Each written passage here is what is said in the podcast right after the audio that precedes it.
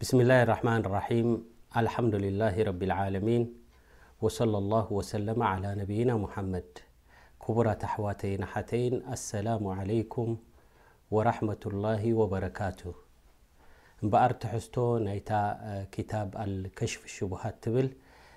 ኣብኡ ኢና ንገልጽ ዘለና ድሕሪ እቲ መቅድም ምስ ገለጽና ኣብቲ ቀንዲ ናይቲ ኪታብ ቢስሚላሂ ራሕማን ራሒም ኢሉ ከም ድጀመረ ከምኡ ድማ ክጅምር ከሎ እዕለም ኢሉ ፍለጥ ኢሉ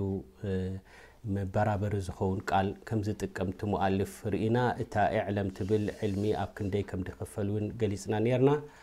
ከምኡ ድማ ራሒመከላህ ኢሉ ጀሚሩ ንምንታይ እዩ እታ ራሕማ ካብታ መቕፊራ ብሓንሳብ ማለት ኩላ ግዜ ራሒመከላህ ደምጽእ ገፈረላሁ ለክ ደየምጽእ እንታይ ብልጸት ኣለዋ እታ ራሒመከላህ ክትብል ከለኻ ዝብል ድማ ኣብቲ ዝሓለፈ ገሊጽናዮ ማለት እዩ እምበኣር ሓደ ሰብ ዳዕዋ ዝገብር ራሕማ ክህልዎ ከም ዘለዎ በቶም መድዕዊነቶም ድጽወዖም ዘሎ ብራሕማ፣ ብጽቡቕ ድሌት ክርኢ ከም ዘለዎ ዝብል ኣስፍሕ ኣቢልና ገሊጽና ኔርና ማለት ኢዩ። እምበኣር ሕጂ እውን ሙኣልፍ እንታይ ኢሉ ኣብቲ ምስ ጀመረ ብስሚላሂ ራሕማን ራሒም ምስ በለ እዕለም ራሒመከላህ ኢሉ ኣነ ተውሒድ ሁወ ኢፍራዱላሂ ሱብሓነሁ ወተዓላ ቢልዒባዳ ተውሒድ ክበሃል እንከሎ እንታይ ኢዩ እንተ ኢልና ዒባዳ ክትገብር ከለኻ፣ ንኣላህ ስብሓነሁ ወተዓላ ክተምልኾ ከለኻ፣ ንኣላህ ስብሓነሁ ወተዓላ ክትግዛእ እንከለኻ፣ ንበይኑ ንብሕቱ ጌርካ እንተ ትግዛእ ኣለኻ፣ ዒባዳ ትገብር እንተ ኣለኻ ኮይንካ፣ እዚ እዩ እቲ ተውሒድ ዝበሃል። እምበኣር ተውሒድ ላ የተሓቐቕ ኢላ ብተሓቁቕ ኣው ብተሕቂቕ ሩክነይ ተውሒድ ተውሒድ ሙሉእነቱ ኣይረጋገፅን እዩ ክልተ መሰረታዊ ዝኾና ቀንዲ ማእዝናት እዚኤን ከማልእ ኣለዎ ተውሒድ ተባሂሉ ንኽግለፅ ወይ ድማ ተውሒድ ኣለዎ እዚ ዒባዳ እዚ ንኽበሃል ተውሒድ ኣገዳስነት ናቱ ብዙሕ ግዜ ደጋጊምና ገሊፅናዮ ኢና ኣስለን ዝተፈጠርናሉ ንተውሒድ ኢና ንዒባዳ ናይ ረቢ ስብሓን ወተዓላ ንበይኑ ንብሕቱ ንኸነምልኽ ኢና እሞ እዛ ተውሒድ እዚኣ እዛ ላኢላሃ ኢለላህ ማለት እዩ እንተድኣ ክትረጋገጽ ኮይኑ ክልተ ነገራት ድሓዘት እያ፣ ኣነፊ ወልኢስባት፣ ምንጻግ ኣለዋ ከምኡ ድማ ምርግጋጽ ኣለዋ። ወሊዛሊክ ኢማሙ ዳዕዋ ራሕመቱላህ ዓለይህ እንታይ ኢሉ ፈቀውሉካ ላኢላሃ ኢለላህ፣ ላኢላሃ ኢለላህ ክትብል እንከለኻ ስኒ ነፍዩን ወኢስባት፣ ምንጻግን ምርግጋጽን ድሓዘት ቃል እያ እዛ ዓባይ ቃል እዚኣ። ፈተንፊ ኣልኡሉህያ ኩሉሃ ወቱስቢቱሃ ሊላሂ ዋሕደሁ ኩሉ ዒባዳ ዝግበረሉ ሰባት ዘምልኽዎ ሰባት ዘዕብይዎ ካብ ወሰኑ ኣሕሊፎሞ ዘለዉ ኩሉ ዒባዳታት ዝግበረሉ ንኹሉ ነጺግካ ንታ ናይ ረቢ ስብሓን ወተዓላ ንዓ ጥራሕ ምርግጋጽ እዚኣ እታ ተውሒድ ትብሃል እዘን እታ ላኢላሃ ኢለላህ ትብል ኩላ ግዜ ነዚ ክልተ ጉዳይ ሒዛ ኣላ ማለት እዩ ምንጻግን ምርጋጽን ማለት እዩ ወሊዛሊክ ኣላሁ ስብሓንሁ ወተዓላ ኣብ ሱረት ልበቀራ እንታይ ኢሉ ፈመን የክፍር ብጣغት ወዩእምን ብላህ ፈቀድ እስተምሰከ ብልዑርወት ውስቃ ለንፍሳማ ለሃ ወላሁ ሰሚዑን ዓሊም እዘን ቀዳመይቲ እንታይ ተጠቂሳላ ብዚ ኣያ እዚኣ ኣልኩፍር፣ ምንጻግ ማለት እዩ። ፈመን የክፉር ቢጣቁት፣ ንኹሉ ጣኦት፣ ንኹሉ ዒባዳ ንረቢ ገዲፍካ ዝምለኽ ዝኾነ ጣኦት እዩ። ወላ እኮ ቅርጺ ይሃልዎ ወላ እውን ቅርጺ ኣይሃልዎ ኩሉ ማ ተጃወዘ ልዓብዱ ሓደሁ እንተ ሓደ ባርያ ያኒ ዓቐኑ ዓቕሙ ውሱን እዩ ኣብ ናይ ዒባዳ ዝኣክል ኣይበጽሐን እዩ እምበኣር ኣብ ዒባዳ እንተ በጺሑ እዚ ጣቁት እዩ ዝበሃል ማለት እዩ ኢዘን ረቡና ዓዘ ወጀል እንታይ ኢሉ ፈመን የክፍር ብጣቁት እዚኣ እታ ነፊ ማለት እዩ ወዩእሚን ቢላህ እዚኣ ድማ እታ ኢትባት ምርግጋጽ ማለት እዩ እዘን መጀመርያ ትነጽግ ዳሕራይ ድማ ተረጋግጽ ኣየነይቲ ተረጋግጽ ማለት እዩ ኣልኢማኑ ቢላህ ወዩእሚን ቢላህ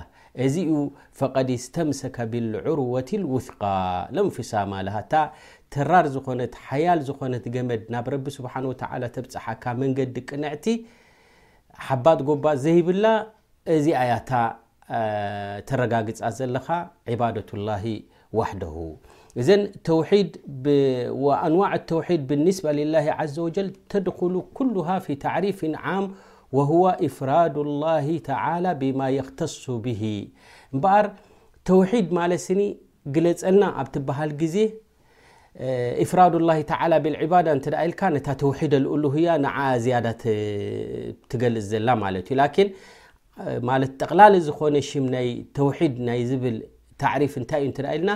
ኢፍራዱ ላሂ ተላ ብማ የክተሱ ብሂ ነቲ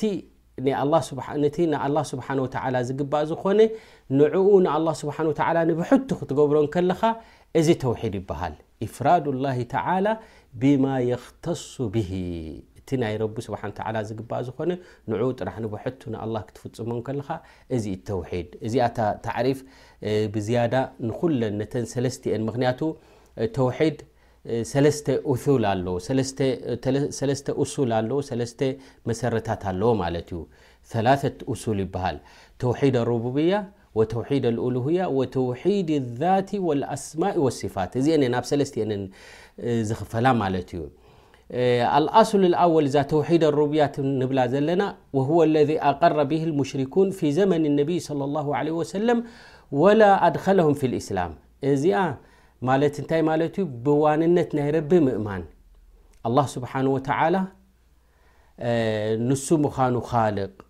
ራዝቅ ሙሕዪ ሙሚት ኩሉ ነገራት ድውንኖ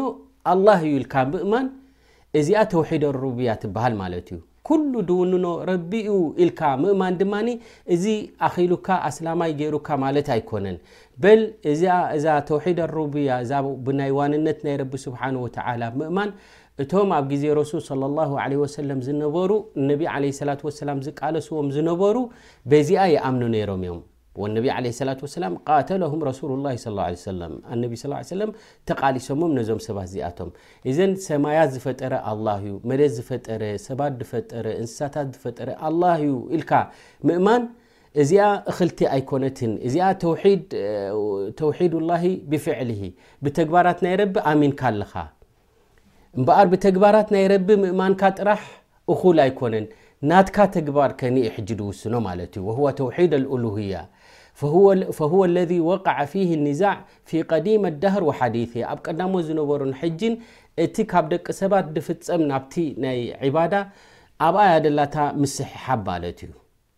ምኽንያቱ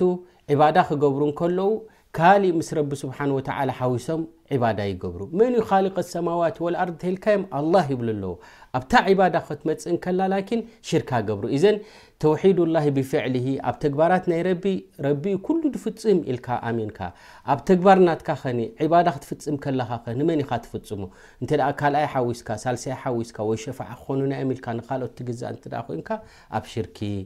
ወዲቕካ ኣለኻ ማለት እዩ። እዚኣ እዚኣ ድማ እታ ቀንዲ ነቶም ኣንብያ ምስቶም መድዑዊን ተሰሓሕቦም ዝነበረት ማለት እዩ። እዚኣ እንታይ ትበሃል ድማ ተውሒድ ላሂ ብኣፍዓል ልዕባድ ኣብ ተግባራት ናይ ደቂ ሰባት ማለት እዩ። እቲኣ ተውሒድ ሩብያ ተውሒድ ላሂ ብፍዕልሂ ብተግባራት ናይ ረቢ ረቢ ሓደ እዩ ኢልካ ትኣምን ማለት እዩ ጠይብ ኣብ ተግባር ናትካ ኸኒ ኣብቲ ናትካ ኣምልኾ ክትፍፅም ከለኻ ድማ ንበይኑ ንብሐቱ እተ ትግዝኦ እተ ኮይንካ ክትልምን ከለኻ ንኣላ ትልምኖ ኣለኻ ተስፋ ትገብረሉ ንኣላ እዩ ፍርሒ ትሕድረሉ ንኣላ እዩ ኩሉ እዙ እተ ንኣላ ጥራሕ እተ ትፍፅሙ ኣለኻ ኮይንካ ተውሒዱላ ብኣፍዓሊ ልዕባድ ትበሃል እዚኣ ድማ ኣብታ እስልምና ተእትወካ ማለት እዩ እታ ሳልሰይቲ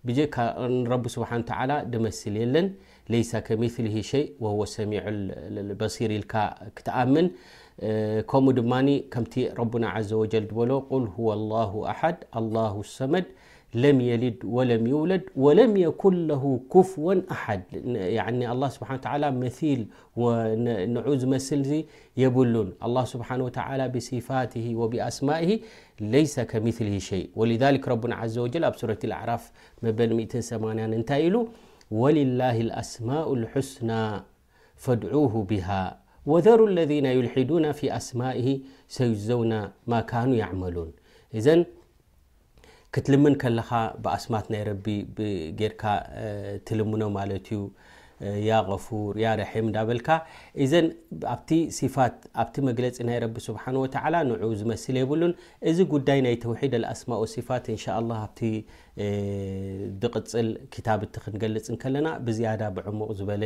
ክንገልጹ ኢና ማለት እዩ ኢዘን እዚ ሞኣልፍ ራሕመቱላ ዓለይ እንታይ ኢሉ ተውሒድ ማለት ስኒ ህዋ ኢፍራዱ ላ ስብሓን ወተላ ብልዕባዳ ዕባዳ ክትገብር እንከለኻ ንኣላ ስብሓን ወተላ ንብሕቱ ከተምልኾ እንከለኻ እዚኣ ያ ተውሒድ ትበሃል ማለት እዩ። ወኣነሁ ሩክኑን ረኪኑን ወኣስሉን ኣሲል እታ ቀንዲ እታ መዳር ኺላፍ በይነ ሩሱል ወኣዕዳኢህም ዝነበረት ድማ እዛ ኣብ ናይ ጉዳይ ዒባዳ ኣብ ናይ ጉዳይ ኣምልኾት እያ ነይራ እምበሪ ሰማይን መሬትን ዝፈጠረ መን እዩ ኢልካ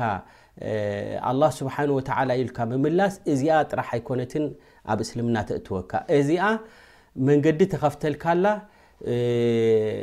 ብኡ እንተ ኣሚንካ ረቢ ስብሓን ወተላ ጥራሕ ዩ ኩሉ ሰማያትን መሬትን ንዓናን ዝፈጠረና እተ ኢልካ ሃ የስተልዝም ኣንተዕብድ ላ ዘ ወጀል ዋሕደ የገድደካ ኣሎ በኣነይ ንሱ እተ ኮይኑ ፈሊጥካ ንዑ ጥራሕ ድማ ንዕባዳ ክትገብር ኣለካ ማለት እዩ ላኪን ከምኡ ክብልዎም ከለዉ ቶም ሩሱላት ማለት እዩ እዚኣቶም ሽፋዓ ናትና እዮም እዚኣቶም ናብ ረቢ ብቐጥታ ዘቀራርቡና እዮም እዳበሉ ሽርክ ይገብሩ ነይሮም ኢዘን ወቃዑ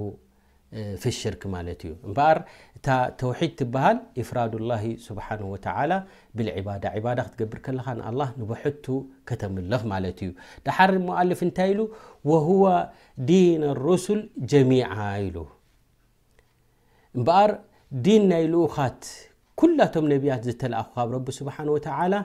ሒዞማ ድመፁ ዲን ድማ እንታይ እንተ ተባሂሉ እዎ ተውሒድ እዎ ብቲ ሸራይዕ ክፈላለ ይኽእሉ ክንገልፆ ኢና ሕጂ ላኪን ዲን ናይ ሩሱል ኣለذና ኣርሰለሁም ላሁ ብሂ ኢላ ዕባድሂ እንታይ እንተ ኢልካ እዛ ተውሒድ እዚኣ ነዚኣ ሒዞም እዮም መጺኦም ማለት እዮም ዲን ኣሩሱል ኣይ ተውሒድ ኣለዚ ሁዋ ኢፍራዱ ላሂ ተዓላ ብልዕባዳ ንረቢ ንብሕቱ ኣምልኽዎ ንብሕቱ ተገዝእዎ ትብል ነዚኣ እዮም ሒዞም መጺኦም ነቢያት ናይ ረቢ ስብሓን ወተዓላ ዝተላእኹ ዲን ኣልኣንብያ ወሩሱል ጀሚዓ ሩሱል ኣለዉና ኣንብያ ኣለዉና ኣንብያ ይኹኑ ረሱላት ይኹኑ ኩላቶም ሒዞሞ ድመጹ ትሕዝቶ ናበይ እዩ ዝዕድም ነይሩ እንተ ኢልካ ናብ ተውሒድ እዩ ነይሩ ኣልኣምሩ ብዒባደት ላሂ ዋሕደሁ ላ ሸሪከ ላህ ንረቢ ንብሕቱ ጥራሕ ተገዝኡ ወናህዩ ዓን ዒባደቲ ሲዋህ ካብቲ ንረቢ ገዲፍካ ንካሊእ ዝምለኽ ድማ ካብኡ ረሓቑ ዝብል ነዚኣ እዮም ሒዞም መፂኦም ማለት እዮም ወልዛሊክ ረቡና ዓዘ ወጀል ኣብ ሱረት ልኣንብያ መበል 25 ኣያ እንታይ ኢሉ ወማ ኣርሰልና ምን ቀብሊካ ምን ረሱልን ኢላ ኑውሒ ኢለይሂ ኣነሁ ላኢላሃ ኢላ ኣና ፋዕቡዱን እምበኣር ድኾነ ይኹን ሩሱል ቅድሚኻ ንልእኮ ዝነበርና ኩላቶም ሒዞማ ድመፁ ዋሒ ናብኣቶም ዝወረደ እንታይ እዩ እንተ ኢልካ ኣነሁ ላኢላሃ ኢላ ኣና ፋዕቡዱን ብጀካ ኣነ ተዘይ ኮይኑ ይብል ረቡና ዓዘወጀል ካሊእ ብጀካይ ዝምለኽ የለን ንዓይ ጥራሕ ዒባዳ ግበሩለይ ዝብል ነዚኣ መልእኽቲ እዚኣ ንኸብጽሑ እዮም እቶም ልኡኻት ተላኢኾም ከምቲ ኣብ ሱረት ነሓል መበል ሰላሳን ሽዱሽተን ኣያ ዝበሎ ወለቀድ በዓትና ፊ ኩሊ ኡመቲን ረሱላ ንኹሉ ህዝቢ ረሱል ዘይሓለፎም ረሱል ዘይተላኣኾም የለን ولقد بعثنا في كل أمة رسول እنታይ بل ر ناعبد الله واجتنب الطقት الله سبحانه وتعل نبحت تز ኢم ካب ጣقት رحق ኢم بل نዚيم حዞم مم إذ فتبين بما تقدم أن الرسل جميعا دعوتهم كانت إلى افراد الرب ጀላ ወዓላ ቢልዒባዳ እምበኣሪ ኣንብያ ኩላቶም ረሱላት ኩላቶም ካብ ረቢ ስብሓን ወተዓላ ዝተልኣኹ እታ መልእኽቲ ናቶም እንታይ እኣ ነይራ እንተ ደ ኢልካ ናብዛ ተውሒድ እዚኣ ማለት እዩ ተውሒድ ላሂ ፊ ልዕባዳ ኣብ ዕባዳ ክትምልኽ ከለኻ ክትግዛእን ከለኻ ክትልምን ከለኻ ኩሉ ዕባዳ ዘብኡ ብጀካ ናብ ረቢ ስብሓን ወተዓላ እተዘይኮይኑ ናብ ካሊእ ክፍጸም የብሉን ዝብል ነዚኣ እዮም ሒዞም መጺኦም እምበኣር ናይዚ ትሕዝቶ እንሻላህ ኣብቲ ድመጽእ እውን ብዝያዳ ክንትንትኖ ኢና ማለት እዩ ወነስኣሉ ላህ ዓዘወጀል ብመኒሂ ወከረሚሂ ኣን ይወፊቀና ሊማ ዩሒቡሁ ወየርዳህ ወሰለ ላሁ ወሰለመ ዓላ ነቢይና ሙሓመድ